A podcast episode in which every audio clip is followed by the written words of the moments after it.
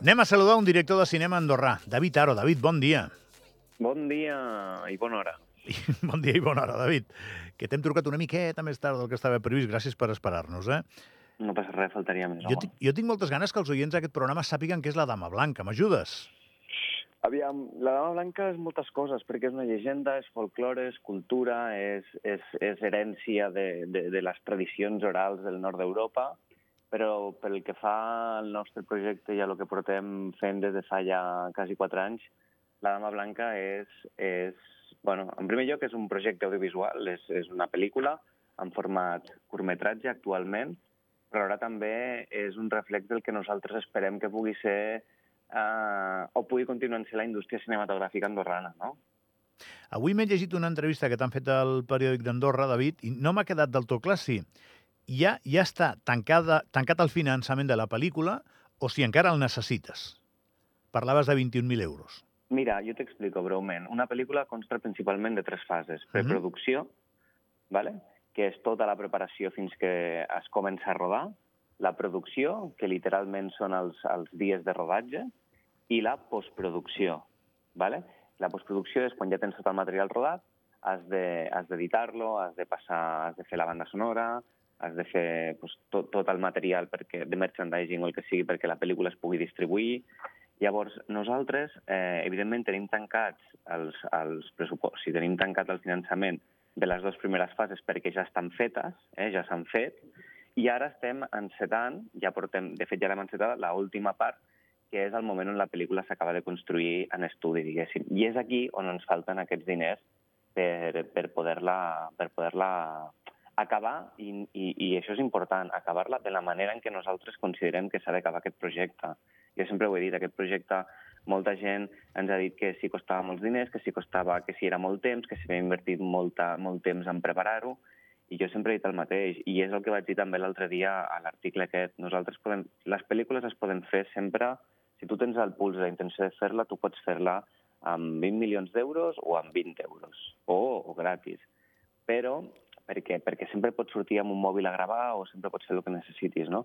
Però nosaltres considerem que, que, que el projecte que volem fer ha de complir certs estàndards i ha d'estar a un nivell i a una qualitat, i això vol dir col·laborar amb uns professionals, um, ha de, bueno, amb, un, amb uns professionals determinats amb, i, i hem d'estar al nivell de lo que nosaltres pensem que necessita Andorra per poder continuar explorant aquesta, aquesta, aquesta línia audiovisual, no? Llavors, responent a la teva pregunta, sí, ens falten 21.000 euros per acabar aquesta última part tan important per nosaltres i pel projecte, que és la postproducció. I a quina porta pots anar a trucar perquè apareguin aquests diners?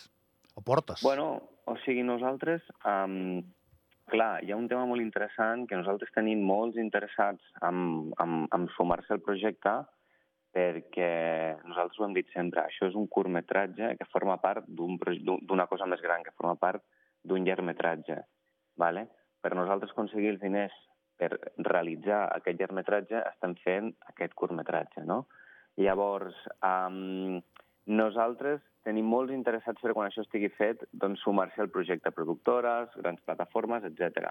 amb reunions que ja s'han començat a fer i està tothom molt, molt entusiasmat. Però és veritat que ara necessitem, estem en aquest coll d'ampolla on necessitem assolir aquests, aconseguir aquests diners per poder acabar això i després poder ensenyar i els interessats que ja ho estan, doncs, doncs que s'hi sumin. Portes a les que estem trucant? Entitats culturals. Um, ara sí que és veritat que estem centrant el nostre interès en el que fa el, co el coprincipat. Fins ara ho havíem fet també a, a França i Espanya, amb, amb èxit i ara estem doncs, al coprincipat doncs, picant a portes eh, doncs, cultura, portes polítiques o portes privades, no? I és aquí, aquí on entra el, el, el, el microfinançament o aquest vercami que, que, que ja hem llançat i, i, i és una mica... L'objectiu ara és això, és acabar d'aconseguir aquests 21.000 euros doncs, amb, amb microfinançament i, evidentment, continuar picant doncs, a, a les institucions culturals i públiques del, del, del país perquè ens ajudin a acabar aquest projecte i que pugui ser, com sempre hem defensat, un projecte de país. Aquesta aposta que es fa pel mecenatge, que és nova a Andorra, perquè desgravi una mica, com us ajuda, si és que us ajuda? Bueno, aviam, um, jo sempre dic una cosa. eh, tot ajuda. Llavors, qualsevol forma de participar, col·laborar, ja sigui a través de micromecenatge que eh, pugui desgravar certes empreses a Andorra, o ja sigui a través de, de, de micromecenatge que no desgravi perquè surt de la butxaca del particular, de gent que confia en el projecte i que creu que aquesta indústria és creixent i pot funcionar i pot establir-se a Andorra, ens ajuda, ja siguin 5 euros o 5.000. És a dir, nosaltres estem en un moment on, on respect, molt respectuosament cap a, cap a la logística i la gestió econòmica que té un projecte tan gran per nosaltres, um, doncs tot suma, tot suma. Suma des de que ens deixin, com ha passat, a nits, llits d'hotel, o sigui, llits a, a un hotel, o suma, suma que ens deixin o que ens donguin diners per poder acabar. No? Tot suma i, i, i s'ha de, i de donar les gràcies sempre i s'ha d'acceptar tot amb, de bon grat perquè, perquè és així com es fan les coses, no? amb, amb passos lents, ferms i, i, i sobretot molta gratitud i respecte cap a el que estàs fent. Com és que no ens en sortim amb el tema de l'audiovisual a Andorra, David? Em, em genera preguntes, eh? I tampoc tinc respostes, per això t'ho dic, eh? A Andorra hi ha calés, hi ha gent de calés, i aquesta gent de calés, hipotèticament, podria estar enamorada de l'audiovisual. Ha passat en molts llocs del món que acabeix, acaben apareixent productors de cinema, productors musicals, no sé. Aquí hi ha hagut projectes, però establement de, de, de l'àmbit del cinema o la televisió, jo, jo és que no en recordo que la gent de Quartos hagi apostat decididament de manera continuada per, per anar ajudant els creadors. No sé com és que no ens en sortim.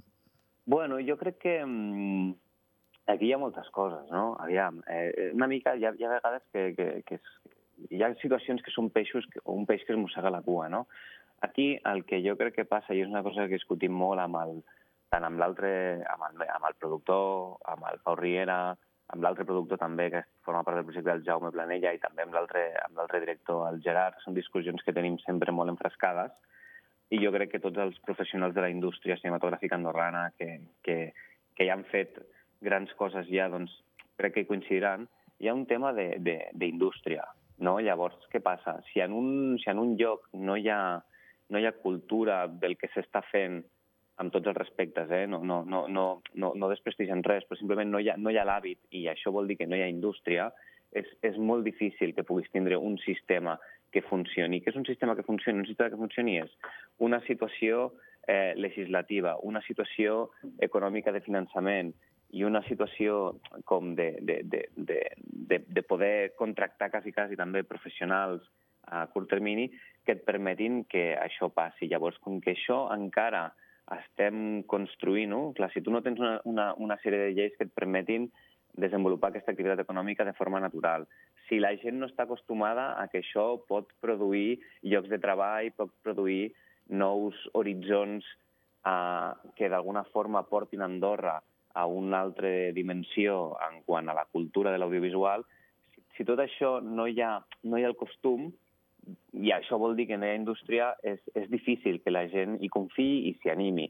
I després també aquí hi ha d'haver-hi una, una inversió pública eh, que vingui acompanyada d'una agenda política no de un o dos o tres anys, sinó a llarg termini, que vulgui invertir en això. Això és superimportant. Una aposta Llavors, estratègica, no, David? Una, clar, una aposta estratègica. Això és molt interessant perquè hi ha, hi ha molta gent que, que, que... I jo crec que la cultura i el talent funciona així tu has d'estar eh, cultivant eh, tu has d'estar cultivant certes coses durant molt temps perquè de cop et surti pues, un Scorsese o et surti pues, eh, un Ivan Morales o et surti, eh, jo què sé, un Tarantino o et surti eh, qui t'hagi de sortir, però, però sí, però sí, però és molt...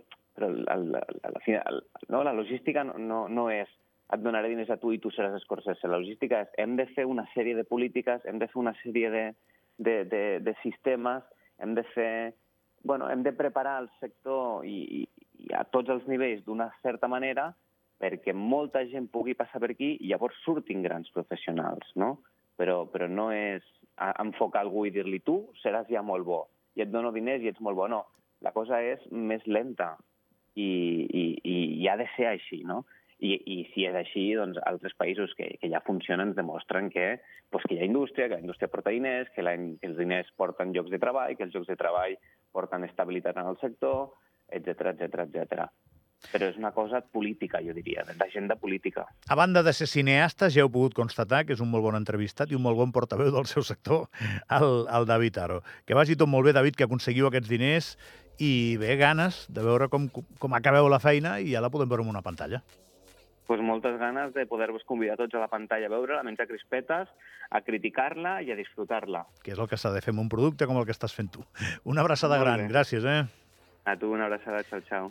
Petita pausa i de seguida us intentem contestar una pregunta. Uh, us intentem donar resposta a una pregunta sobre si l'Alzheimer és reversible. Ho és o no? Ara de seguida tindrem més resposta que la que jo pugui donar, òbviament, a aquesta pregunta.